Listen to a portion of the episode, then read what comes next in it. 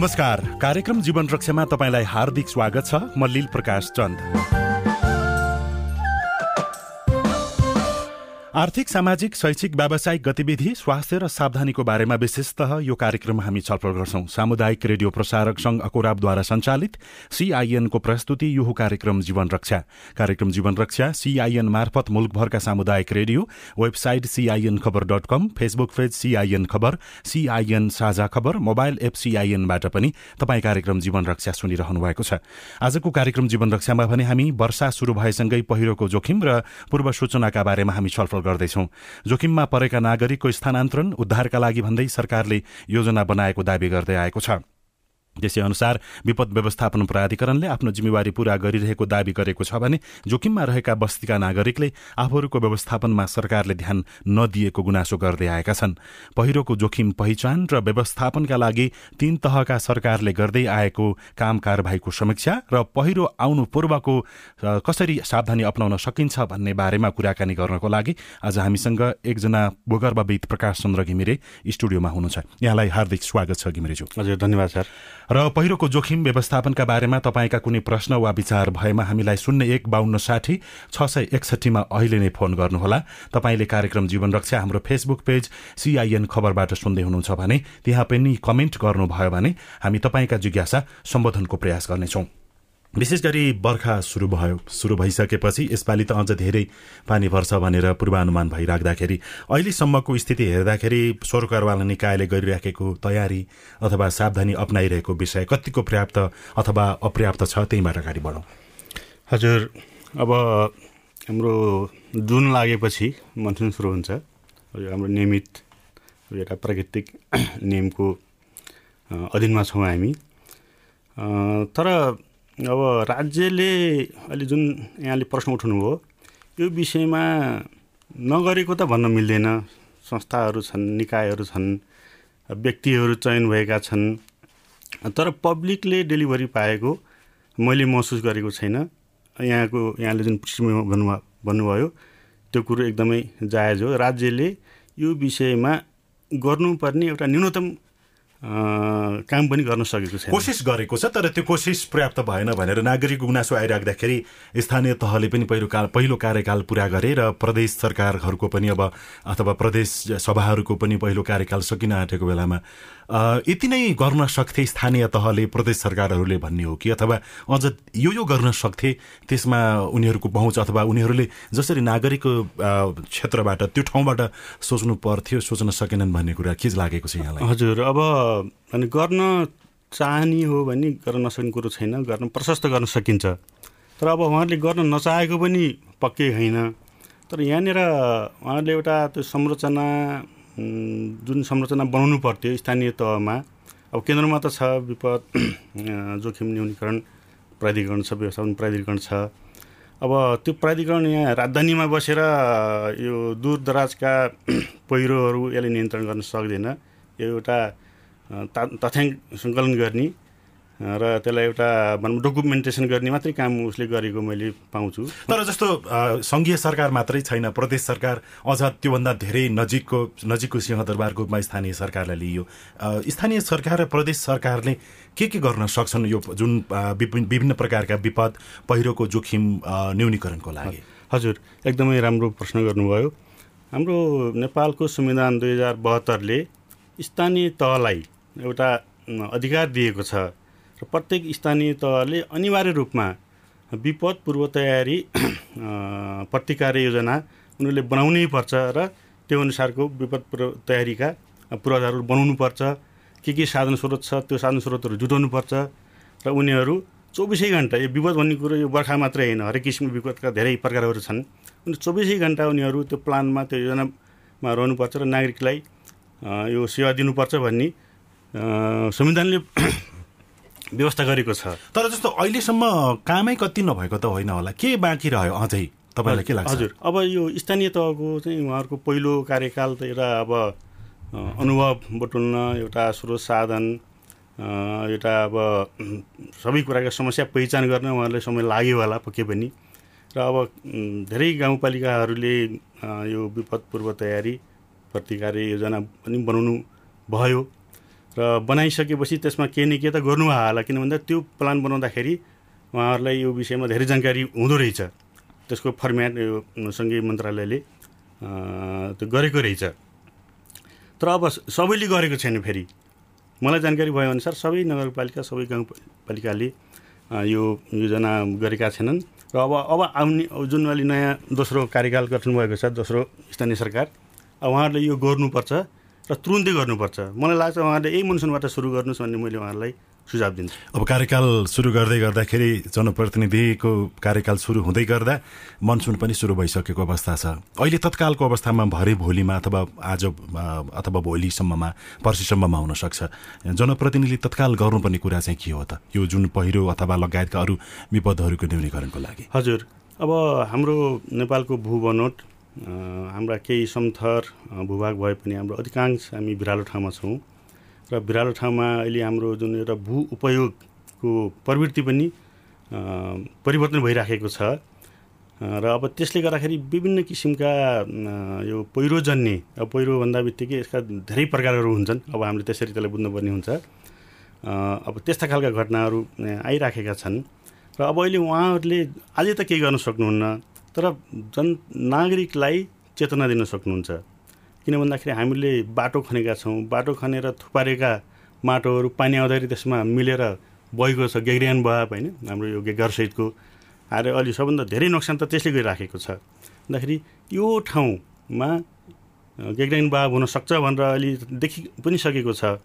र विगतको अनुभवले पनि हामीलाई त्यो देखाइरहेका छ। हजुर हजुर। विकास निर्माणको काम धेरै गर्ने तर त्यो काम सँगसँगैको त्यो गेग्राञ्चमा आउँदाखेरि अब सिन्धुपाल्चोक लगायतका विभिन्न क्षेत्रमा त त्यो देखियो पनि। हजुर हजुर। यो धेरै ठाउँमा छ सर यो। भन्दाखेरि उहाँले त असुरक्षित ठाउँहरू त पहिचान अहिले नागरिक आफैहरू उहाँहरू सचेत हुनुहुन्छ। उहाँहरूलाई व्यवस्थापन गर्ने हुन्छ। अहिले गाउँपालिका भनौँ स्थानीय सरकारले गर्ने भनेको हिजोको अनुभवबाट जहाँ जोखिमयुक्त ठाउँहरू छन् नागरिकलाई आज उठ्नु भएको छ।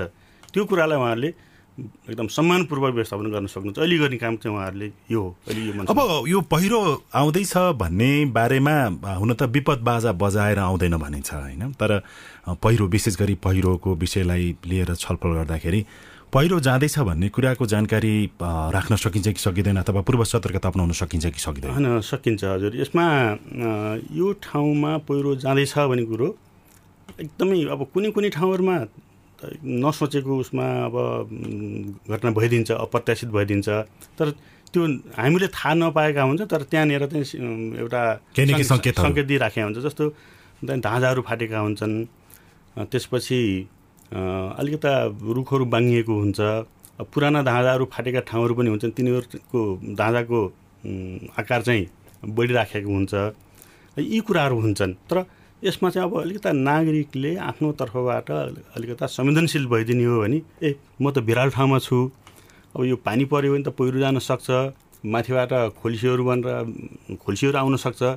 भन्ने कुरामा चाहिँ नागरिकहरू अलिकता संवेदनशील भइदिने हो भने हामीले यसको जानकारी पाउन सक्छौँ। हामी कार्यक्रम जीवन रक्षामा छौँ। आजको कार्यक्रम जीवन रक्षामा विशेष गरी पहिरोको जोखिम व्यवस्थापनका बारेमा भइराखेका प्रयास र पूर्व तयारीको बारेमा हामी कुराकानी गर्दैछौँ। हामीसँग स्टुडियोमा भूगर्भविद प्रकाश चन्द्र घिमिरे हुनुहुन्छ। यदि तपाईँको कुनै विचार प्रश्न छ यो पहिरोको जोखिमको विषयमा पूर्व सावधानी कसरी अप्नाउने पूर्व जानकारी कसरी लिने भन्ने बारेमा भने हामीलाई शून्य एक बाहन्न साठी छ सय एकसठी शून्य एक बाहन्न साठी छ सय एकसठीमा फोन गर्नुहोला। हामी तपाईँको प्रश्न विचारहरूलाई सम्बोधनको कोसिस गर्नेछौँ। यो पहिरो पहिरो जाने तयारी अथवा पूर्व अवस्था एउटा रहन्छ। त्यसमा हामीले समयमै सावधानी अप्नाउने कुरा गऱ्यौँ। त्यो सँगसँगै अब सबभन्दा पहिलो कुरा त आफ्नो बसोबास कस्तो भूगोलमा छ त्यसमा पनि नागरिकले ध्यान दिनुपर्छ होला। हजुर एकदमै। एकदमै यो महत्त्वपूर्ण विषय हो। र अब हामी संवेदनशील हुनैपर्छ किन भन्दा हामी वर्षेनी अहिले पनि हामीले सुनिराखेका छौँ। अब मनसुन भर्खरै सुरु भएको छ अझै देशभरि फैलिएको छैन। अब हिजो पोखराकै हामीले घटनाहरू हामी देख्यौँ। अब यसमा कतिपय अवस्थामा चाहिँ प्राकृतिकभन्दा पनि हामी मानव सिर्जित कारणहरू पनि छन्। हामीहरूले जमिनमाथि अत्याधिक दोहन गरेका छौँ। यो चाहिँ अब राज्यको तहबाट भएको छ व्यक्तिगत व्यक्तिगत तहबाट पनि भएको छ। र यो किन भइराखेको छ भन्दाखेरि राज्यले भू उपयोग नीति हुन त बनाइ भन्दा भन्छु अब म पनि यही विषयमा अलिकति सरकार राख्ने विषय व्यक्ति हो। तर मलाई थाहा छैन। मेरो अब अध्ययनको कमी कमी पनि भयो होला तर ती चिजहरू जुन एक्सप्लोर हुन्छ त्यो कार्यान्वयनको पाटो सबभन्दा कमजोर देखियो भन्ने ठान्नुहुन्छ हजुर। अब नीति बन्छ कार्यान्वयन हुँदैन। र अब कार्यान्वयन गर्ने जुन एउटा निकाय छ उहाँहरूलाई पनि सबै कुराको जानकारी हुन्न होला जस्तो लाग्छ मलाई। हामीलाई सामाजिक सञ्जाल फेसबुकमा चेतराज खनालले लेख्नु भएको छ नेपाल विपदजन्य जोखिमको तुलनामा विश्वको जोखिमपूर्ण क्षेत्रमा पर्छ। तर तीमध्ये पहिरोको पूर्वानुमान एकदमै कम हुन्छ जसको प्रत्यक्ष असर सर्वसाधारण नागरिकमा परिराखेको छ। यो किन यस्ता जोखिमको बारेमा पूर्व जानकारी नपाउने अवस्था अहिले बनिराखेको होला नेपालमा भनेर अछामबाट उहाँले सोध्नु भएको छ। हजुर एकदमै सान्दर्भिक प्रश्न गर्नुभएको छ चेतराजीले अब यसमा हामी अलिकति हामी नागरिक पनि अलिकता दोषी छौँ भनेर भन्छु। किन भन्दा हामीले यसमा सर्ग राख्दैनौँ कि? किनभने प्रत्येक साल हाम्रो मनसुन आउँछ तिन महिना मनसुन सक्रिय हुन्छ। तर खोइ यो विषयमा हामी मनसुन आएपछि मात्र हामी बोल्छौँ। यसको पूर्व तयारी भनेको त चौबिसै भनौँ बाह्रै महिनादेखि हुनुपर्छ। एउटा नियमित हुनुपर्छ भन्ने चाहिँ मेरो मान्यता हो। सिद्धराज भट्टराईले लेख्नु भएको छ जस्तो उच्च सतर्कता अप्नाउने बारेमा सरकारले अहिले जुन प्रकारको काम कारवाही गरिराखेको छ जसरी प्रतिबद्धता जनाइराखेको छ त्यो पर्याप्त छ कि छैन तपाईँको विचारमा भने छैन सरकारले त केही गरेको छैन भन्छु म। म एकदम प्रष्ट साथ भन्छु सरकारले केही गरेको छैन। नागरिकको लागि केही पनि गरेको छैन। उसले आफूलाई संरचना बनाएको छ है। ए हामीसँग यस्तो छ यस्ता निकायहरू छन्। भन् भन्ने कुरा त छ तर नागरिकलाई केही पनि गरेका छैन नवीन सबिनजीले लेख्नु भएको छ सामाजिक सञ्जाल फेसबुकमै नेपाली भूभागमा धेरै अव्यवस्थित बाटो विस्तार हुनु पनि पहिरोको एउटा मुख्य कारण हो। यसको समाधान कसरी हुन्छ यसलाई रोक्न सकियो भने पैँतिस प्रतिशतभन्दा धेरै पहिरो रोक्न सकिन्छ कि सकिँदैन होला। तपाईँको सुझाव के छ यसमा? हजुर यो एकदमै सान्दर्भिक प्रश्न गर्नुभयो। म पनि यही विषयमै अध्ययनरत छु। र अब बाटो त चाहिन्छ बाटो नचाहिने होइन बाटो बनाउनै पर्छ हाम्रो गाउँघरहरू जोड्नुपर्छ तर जुन हाम्रो बाटो बनाउने जुन तरिका छ त्यो तरिका चाहिँ एकदम गलत छ। हामी डिजाइन गरेर बाटो बनाउनु पर्छ अहिले हामी गाउँपालिकाले अझ स्थानीय तहले निर्णय गर्छ योजना गर्छ डोजर हामी पठाइन्छौँ त्यसरी बाटो खन्ने हाम्रो चलन छ त्यसै त्यसले गर्दाखेरि पनि धेरै पहिरोहरू पहिरोजन्य घटनाहरू वृद्धि भएको छ नि एकदम यो सत्य हो। अहिले मेरो अध्ययनले पनि यो कुरो देखाइराखेको छ। बाटो अब फेरि नबनाऊ भने पनि जनप्रतिनिधिहरूलाई नागरिकले छोड्दैनन् होइन? विकास निर्माण चाहियो बाटो चाहियो सडक चाहियो भनेर। तर बनाउँदाखेरिको जुन अध्ययन नभएको भनिएर भनिएको छ त्यस त्यस कारणले पनि पहिरोको जोखिम बढेको हो कि अथवा बाटो नै बनाउनु हुँदैन भन्ने कुरा त फेरि होइन होला? होइन होइन। बाटो बनाउनु कसरी बनाउनु? हजुर हजुर। अहिले हाम्रो बाटो बनाउने जुनसुकै विकास निर्माणका काम गर्दाखेरि हामीहरूले त्यसको इन्जिनियरिङ विस्तृत इन्जिनियरिङ इन्जिनियरिङ अध्ययनलाई हामीले एकदमै कम गरेका छौँ भने कम आँकेका छौँ। त्यो नभएको होइन भएको कागजमा भएको छ तर जुन हुनुपर्ने चिज हो त्यो भएको छैन। अब एउटा यो एक किसिमको एउटा अनियमित सत्ताका कुराहरू पनि यसमा जोडिन्छन् भनेर भन्छु मैले भनेको भ्रष्टाचारको कुरा अथवा थोरै काम गरेर अथवा जस्तो सुकै काम गरेर भए पनि देखाइदियो भोलि त्यसबाट आर्थिक रूपमा के फाइदा हुन्छ भन्ने कुरामा बढी केन्द्रित भएर हो अथवा? हजुर अब यसमा अलि प्रष्ट हामी प्रष्ट भन्नुपर्छ यसमा स्थानीय निकायहरू अथवा त्योसँग सरकार रात रत प्राधिकारीहरू अथवा त्यहाँको इकाइले जसरी काम गरेको छ त्यो मैले त त्यो शब्द चाहिँ म भन्दिनँ उहाँलाई त्यो भन्दिनँ। तर उहाँहरू यसमा सचिनुपर्छ। अध्ययन नाम मात्रको अध्ययन गरिएको छ त्यो प्रवृत्ति भनेको किसिमको भ्रष्टाचारै हो फेरि होइन? लिगल्ली चाहिँ कानुनी हिसाबले नीतिगत भ्रष्टाचार। नीतिगत तर नीतिगत भन्दा पनि त्यो नगरिकन त्यो डकुमेन्ट तयार गर्नु त एउटा संहिता होइन एउटा कोड एन्ड कन्डक्टको पनि त भाइलेन्स हो नि। अब त्यो विषयलाई जुन दोस्रो कार्यक्रमको लागि जनप्रतिनिधिहरू आएका छन् उनीहरूले सच्याउँदै जानुपर्छ र त्यो ढङ्गबाट उनीहरूले त्यो आत्मानुभूति गर्नेको अवस्थामा यो सबै कुरामा सुधार हुने हो। अब यदि पहिरोको जोखिममा भएका बस्तीहरूको कुरा गरौँ न जस्तो अब कुनै समतल भूभागमा छ त्यहाँ पहिरो जान सक्ने स्थितिको बारेमा नागरिक कतिको सचेत रहने डाँडा पाखोमा घर छ अथवा माथिपट्टि ठुलो विकास निर्माणको काम भइराखेको छ तलपट्टि पनि घरहरू हुन सक्छन् होइन? नदी किनार हुनसक्छ तलतिरबाट नदी बगिराखेको माथिपट्टि घर त्यो बस्तीहरू हुनसक्छ कस्तो ठाउँमा भएका बस्तीका नागरिकले कस्तो प्रकारको सावधानी अप्नाउने अहिलेको अवस्थामा? हजुर अहिले यहाँले भन्नुभयो जस्तै हाम्रो भूबनोट यस्तै यस्तै नै छ। र हामी अब सम्म ठाउँमा भएका जुन बस्ती भएका हामी नागरिक छौँ। सम्मकोले चिन्ता गर्नुपर्छ सम्मले पहिरोको कारणबाट दुईवटा पक्ष हुन्छ। माथिबाट पहिरो जाने अवस्थाको छ भने पहिरो आएर हामीलाई च्याप्छ कि भनेर पनि सतर्क हुनुपर्ने छ हेर्नुहोस्। है त्यो माथिको भूवनको पनि उहाँले जानकारी लिनुपर्छ। मेरो जग्गा होइन यो अर्काको हो यो भन्ने कुरो अलिक त्यो त्यो त्यो कुरा चाहिँ मनमा राख्नुहुन्न। अर्को चाहिँ तलतिर खोलो बगिराखेको छ भनेपछि खोलाले कटान गर्छ। अब त्यसमा पनि सतर्क हुनुपर्छ। अहिले अब हाम्रो पनि हाम्रो यो खोलाहरूको बहावको प्रवृत्ति पनि एकदमै अचम्म अचम्मसित परिवर्तन भइराखेको छ। अनि अर्को चाहिँ हाम्रो जुन बाटोघाटो हामीले जुन बनाउँछौँ मैले अघि भनिसकेँ यसमा हाम्रो एकदम अवैज्ञानिक हामी तरिकाले गइरहेका छौँ। यसमा हामीले सुधार गऱ्यौँ भने धेरै अघि एकजना साथी सोध्नुभएको थियो प्रतिशत उहाँले एउटा अङ्क भन्नुभएको थियो। ट्याक्क त अङ्क त नभनौँ तर धेरै सुधार हुन्छ। त्यसो भए समतल ठाउँमा बसोबास गरेका नागरिकले माथिबाट पहिरो आएको अवस्थामा च्यापिन्छ कि अथवा क्षति पुर्याउँछ कि भनेर सावधानी अप्नाउनु पर्यो। भिरालो ठाउँमा यदि कुनै रुख बिरुवाको बिचमा पनि हुनसक्छ अथवा कुनै पाखोमा घर बनाएको नागरिकले चाहिँ के कुरामा ध्यान दिने? हजुर। अब जुन हाम्रो भिरालो धेरै जसो बस्ती त हाम्रो भिरालो ठाउँमा छ नेपालको एउटा प्रतिशतको हिसाबले गर्दाखेरि अब वर्षौँदेखि हाम्रो सयौँ वर्षदेखि यहाँ पुर्खाहरू बसि बसिराख्नु भएको ठाउँहरू छ। त्यस्ता ठाउँ केही नभएको ठाउँ पनि छ फेरि होइन? हामी सुरक्षितै छौँ। तर अहिलेसम्म केही नभएको ठाउँमा फेरि ठुल्ठुला यस्ता भनौँ पहिरोहरू गएका पनि छन्। र यो विषयमा यो पहिरो कसरी जान्छ किन जान्छ यति समयसम्म सुरक्षित भएको ठाउँ चाहिँ कसरी पहिरो जान्छ भन्ने विषयको अलिकति प्राविधिक जानकारी हामीले विराट ठाउँमा बस्ने मान्छेले राख्नुपर्छ। तर जस्तो त्यसको लागि जानकारी राख्नको लागि त फेरि अलिक विज्ञ व्यक्ति जानुपर्ने होला तर सबै ठाउँमा व्यक्तिलाई बोलाएर त्यहाँ देखाउने स्थिति नागरिकको नबन्न पनि सक्छ। स्वयं घरधनीले जस्तो अब खेतीपातीको बेलामा खेतबारीमा पाखोबारीमा जाने बेग्लै कुरा छ तर मेरो घर सुरक्षित छ कि छैन होला अथवा वरिपरि धाँजा कतै फाटेको छ कि छैन भनेर त्यो ध्यान दिएर त्यसरी हेर्ने परिपाटी निकै कम्पनी हुनसक्छ तपाईँको सुझाव चाहिँ के हो त्यस्ता व्यक्तिहरूलाई? हजुर हो मेरो सुझाव यसमा स्थानीय सरकारहरू अहिले गाउँ गाउँमा छ घर घरमा छ त्यो एकदम खुसी कुरो एउटा यो अहिले हाम्रो राजनीतिक परिवर्तन व्यावहारिक रूपमा जे भए पनि सैद्धान्तिक रूपमा त त्यो ठिक छ हजुर र अब उहाँहरूले एउटा प्राविधिक उहाँहरू अहिले गाउँपालिका नगरपालिका प्राविधिक साथीहरू पनि हुनुहुन्छ होइन? उहाँले एउटा संरचना बनाइनु पऱ्यो त्यहाँ पब्लिकहरूलाई चाहिँ मेरोमा यस्तो समस्या छ यो के हो? भनेर आएपछि सुनवाई गर्ने र उहाँहरूले गएर उहाँले त भिजिट गर्न सक्नुहुन्छ। त्यो त विज्ञ त्यो त प्राविधिकको कुरा भयो।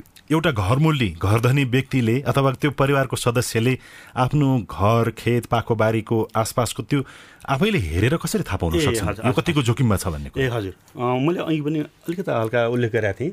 हामीले हाम्रो वरिपरिको ठाउँको नियमित अनुगमन यदि गरेका छौँ भने त्यहाँ केही परिवर्तन देखिन्छ। त्यसलाई चाहिँ हामी सेन्स गर्ने हामीले एउटा अभ्यास गर्नु पर्यो। त्यहाँ गएर हेर्नुपर्ने कुरा चाहिँ के हो? धाँजा छ कि छैन भन्ने नै हो कि? अथवा जमिन तलमाथि अथवा जमिन माथिको स्थिति के छ भन्ने कुरा हो कि? के कुरालाई एउटा अब धाँजा छ कि छैन पहिलो कुरा त धाँजा नै हो। जमिन सरेपछि त्यहाँ धाँजा देखिन्छ प्रश्न देखिन्छ। अर्को कुरो कहिले कस्तो धाँजा नदेखेर पनि रुखहरू सिधा भएका रुखहरू पनि बाङ्गिन सक्छन्। किन भन्दाखेरि अलिक भित्रबाट यसरी राखेर चाहिँ बाहिर धाँजा नदेखिन सक्छ। तर त्यहाँका रुख रुखहरू बाङ्गो हुन्छ र हाम्रो हामीले बनाएको त्यहाँ संरचनाहरू भनौँ जस्तो सिमेन्टका कङ्क्रिट अथवा हाम्रा घरहरू त्यहाँ चाहिँ अलिकति एक्सटर्नल अलिकति एडिसनल फोर्स आयो भने त्यहाँ त्यो क्र्याकहरू देखिन्छ कि। त्यो कुरामा चाहिँ हामीले दैनिक हामी ध्यान पुऱ्याउन अब जरुरी छ। हामी प्रत्येक घर धनीले भनौँ न घर भएका ओनरहरूले हाउस ओनरले हाम्रो जमिन हाम्रो वरिपरि के छ भनेर त्यो त खास गरी मनसुनको बेलामा मात्रै होइन। मनसुन बेला त गर्नैपर्छ अब मैले त्यो आग्रह गर्छु सबै देशवासी दाजुभाइ दिदीबहिनीलाई। र अरू बेला पनि अब हामीले यो अभ्यास गरौँ। यो योभन्दा ठुलो टुल्स अरू केही छैन। अब यदि धाँचा फाटेको छ भने त्यो क्षेत्रमा पानी नपुगोस् भन्नको लागि। धाँजा फाटेकै स्थिति देखियो तत्कालको अवस्थामा भने पनि। सावधानी कसरी अपनाउने त? त्यहाँ अब पानी पर्न नदिएर हुनसक्छ कि अथवा घरवासी उठाएर अर्को ठाउँमा लानुपर्ने हो कि? के गर्नु हजुर हजुर। अब यो धाँजा फाट्यो भने अब त्यहाँभित्र पानी पर्न दिनु भएन। र भिराल ठाउँमा फेरि पानी जान्छ। अब हाम्रो पानी बग्ने त्यहाँ जस्तो बर्खामा परेको पानीलाई त हामी एकदमै अब रोक्न त सकिँदैन। तर त्यस्तो धाँजामा पानी प्रवेश गर्न सक्ने ठाउँहरूलाई चाहिँ हामीले कुलेसो बनाएर हामीले त्यो कुलेसोलाई तर्काउन सक्छौँ। यस्ता प्रविधिहरू राम्रो बरु हामी जमानामा हामी सानो हुने बेलामा एकदमै इग्नोरेन्ट पढे नपढेको नलेखेको उहाँहरूले हाम्रो अभिभावकहरूले गर्नुहुन्थ्यो होइन? अब अहिले अब अब हामी त्यो पुर्खाहरूले गरेको त्यो प्रविधिलाई चाहिँ हामीले अहिले फलो गर्नुपर्ने अवस्था बिउताउनु पऱ्यो बिउताउनु पऱ्यो फलो गर्नु पऱ्यो हामीलाई भर्खरै जीवन रक्षा कार्यक्रम सामाजिक सञ्जाल फेसबुकबाट सुन्दै गर्दाखेरि भरत तामाङले सोध्नु भएको छ डिप बोरिङको कारणले पनि पहिरो जान्छ? भनेर सोध्नु भएको छ। हजुर अब यो डिप बोरिङको कारणले पहिरो जान्छ भन्ने कुरो त ठ्याक्कै भन्न सकिँदैन किन बोरिङ भने हामी पानी निकाल्नलाई गर्छौँ। अब पानी निकाल्दाखेरि अब अत्यधिक पानी निकालियो भने अब अलिकति जमिनहरू भासिनी चाहिँ हुन्छ। अत्यधिक भयो भने तर एउटै मात्रै बोरिङ गरेर त्यो ठाउँमा पानी निकालेर त्यसले एकदमै पहिरोलाई नै गर्छ जमिनै भासिन्छ भन्ने कुरो चाहिँ त्यो सत्य होइन। त्यो बोरिङको जुन कम्पाउन्ड हुन्छ नि त्यो एकदम रेगुलर धेरै लगातार धेरैभन्दा धेरै बोरिङ सञ्चालन गरियो भने त्यो क्षेत्रको एउटा जुन कम्पाउन्डको कारणले पनि सायद त्यस्तो महसुस उहाँलाई भएको भयो होला होइन? अवश्य यस्तो छ। अब कतिपय ठाउँमा अहिले हामीले भिरालो ठाउँमा पनि बोरिङहरू गरेका छौँ। एउटा नयाँ प्रविधिको विकास भएको छ। तर अब त्यसको त्यसै अब एउटा विशिष्ट ठाउँमा त्यसको असर पनि हुनसक्छ न हुँदैन भन्न त सकिँदैन। अहिले तत्कालको लागि बोरिङ गरेकै कारणले पहिरो जाँदैन। पहिरो जाँदैन। अब गोरखा भूकम्प दुई हजार बहत्तरमा गयो। त्यस पछाडिका धेरै समयसम्म यदि अहिलेसम्म पनि त्यो गोरखा भूकम्पको कारणले गर्दाखेरि जुन प्रकारको एउटा बस्तीहरू जोखिममा परे र त्यहाँ पहिरोको जोखिम हुन सक्छ अथवा सिन्धुपाल्चोक लगायतका जति पनि क्षेत्रमा यसभन्दा अगाडिको पहिरो गयो त्यसमा पनि भूकम्पको कहीँ न कहीँ कारण छ भनिन्थ्यो। त्यो अहिलेसम्म पनि त्यतिकै जोखिम भूकम्प त्यत्तिकै एउटा कारक कारकको रूपमा छ कि अथवा अब नागरिक त्यति धेरै डराउनु पर्ने अथवा त्रसित हुनु पर्दैन? हजुर अब जुन बहत्तर सालको भूकम्पले धेरै जमिनहरू धाँदा भनौँ छिया छिया पार्यो होइन। धेरै त्यस्ता ठाउँहरू छन्। त्यस्ता ठाउँमा त पहिरोको जोखिममा परिने भए अझै पनि अब त्यस्ता ठाउँहरू पहिरोको जोखिममा छन् नै। त्यसलाई चाहिँ नजरअन्दाज गर्नु हुँदैन। प्लस अब हाम्रा साना साना भूकम्पहरू पनि गइरहेका छन् फेरि। यो बहत्तर साल पछाडि भूकम्प रोकेको होइन। चार पाँच गइरहेका छन् होइन। त्यसले त्यसले पनि त्यहाँ अलिकति जमिनमा छिया छिया पारे आउन सक्छ। त्यसको असर चाहिँ हुन्छ। त्यो हामी सतर्क त हुनैपर्छ। अब अर्को कुरा भनेको धेरै व्यक्तिहरू काठमाडौँ आउने जाने मुगलिन नारायणगढ सडक खण्ड लगायत त्यो त्यो क्षेत्रको अथवा अरू सम्बन्धित जिल्लामा पनि त्यस्तो प्रकारको सडकहरू हुनसक्छ। सुक्खा पहिरो आएर पनि कहिलेकाहीँ बाटो अवरुद्ध भइराखेको चन्दनको क्षति भइराखेको हुन्छ। यो बर्खाको बेलामा यात्रा गर्दाखेरि अब जस्तो सर्वसाधारण नागरिक जो सार्वजनिक यातायात अथवा व्यक्तिगत त्यस्तो साधन चढेर जानुहुन्छ जसले चलाउनुहुन्छ सबै कुराले अथवा सबै व्यक्तिले ध्यान दिनुपर्ने कुरा चाहिँ के हो अहिले? हजुर एकदमै सान्दर्भिक प्रश्न गर्नुभयो। अब हाम्रा सबैजसो सडक खण्डहरूमा यस्तो पहिरो जान सक्ने सम्भावना छ। र अहिले जुन हाम्रो अझ सडकहरू विस्तार गरिँदैछ विस्तार गरिँदै गरेका सडकहरूमा हामी जब त स्रोपलाई कट गर्छ नि स्रोपलाई कट गर्दा बित्तिकै त्यसलाई हामी सपोर्ट दिन भ्याएको हुँदैनौँ अथवा ढिलो हुन्छ अथवा त्यस सपोर्टको डिजाइनै हुँदैन। त्यसले गर्दाखेरि हाम्रो कट कट गरेका स्लोपहरूको उचाइ बढी बढिराखेको हुन्छ भिरालो पनि बढिराखेको हुन्छ। र त्यसले गर्दाखेरि माथिको जुन कट गर्नुभन्दा अगाडिको जुन त्यसको सपोर्ट हुन्छ त्यो सपोर्ट त्यहाँ हटेपछि माथिबाट चिराहरू त्यो धाँजाहरू फाटेको हुन्छ।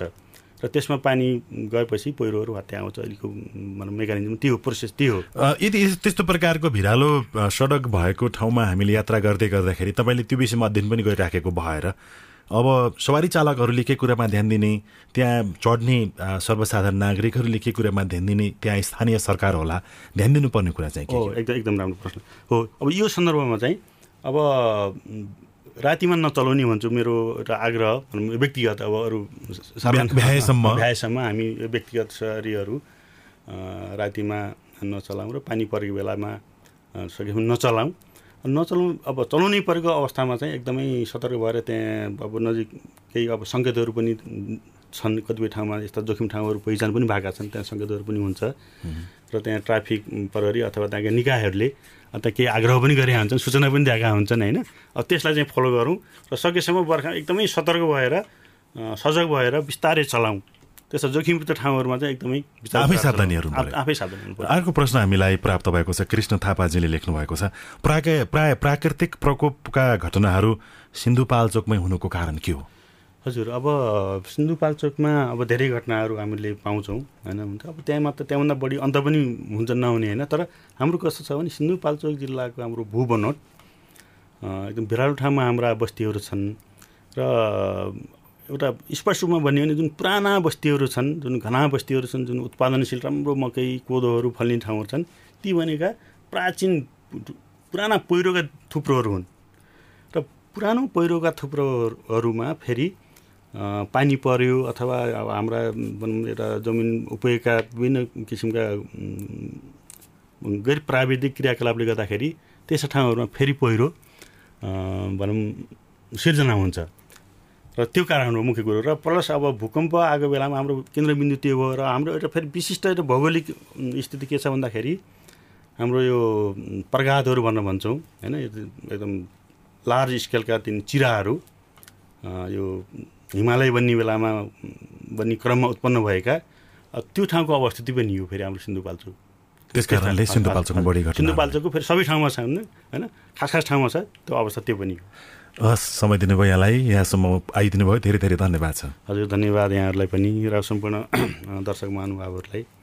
मैले आफ्नो अलिअलि जानेको कुराहरू यहाँ सम्प्रेषण गर्नु पाएँ। त्यसको लागि यहाँलाई धेरै धन्यवाद दिन चाहन्छु।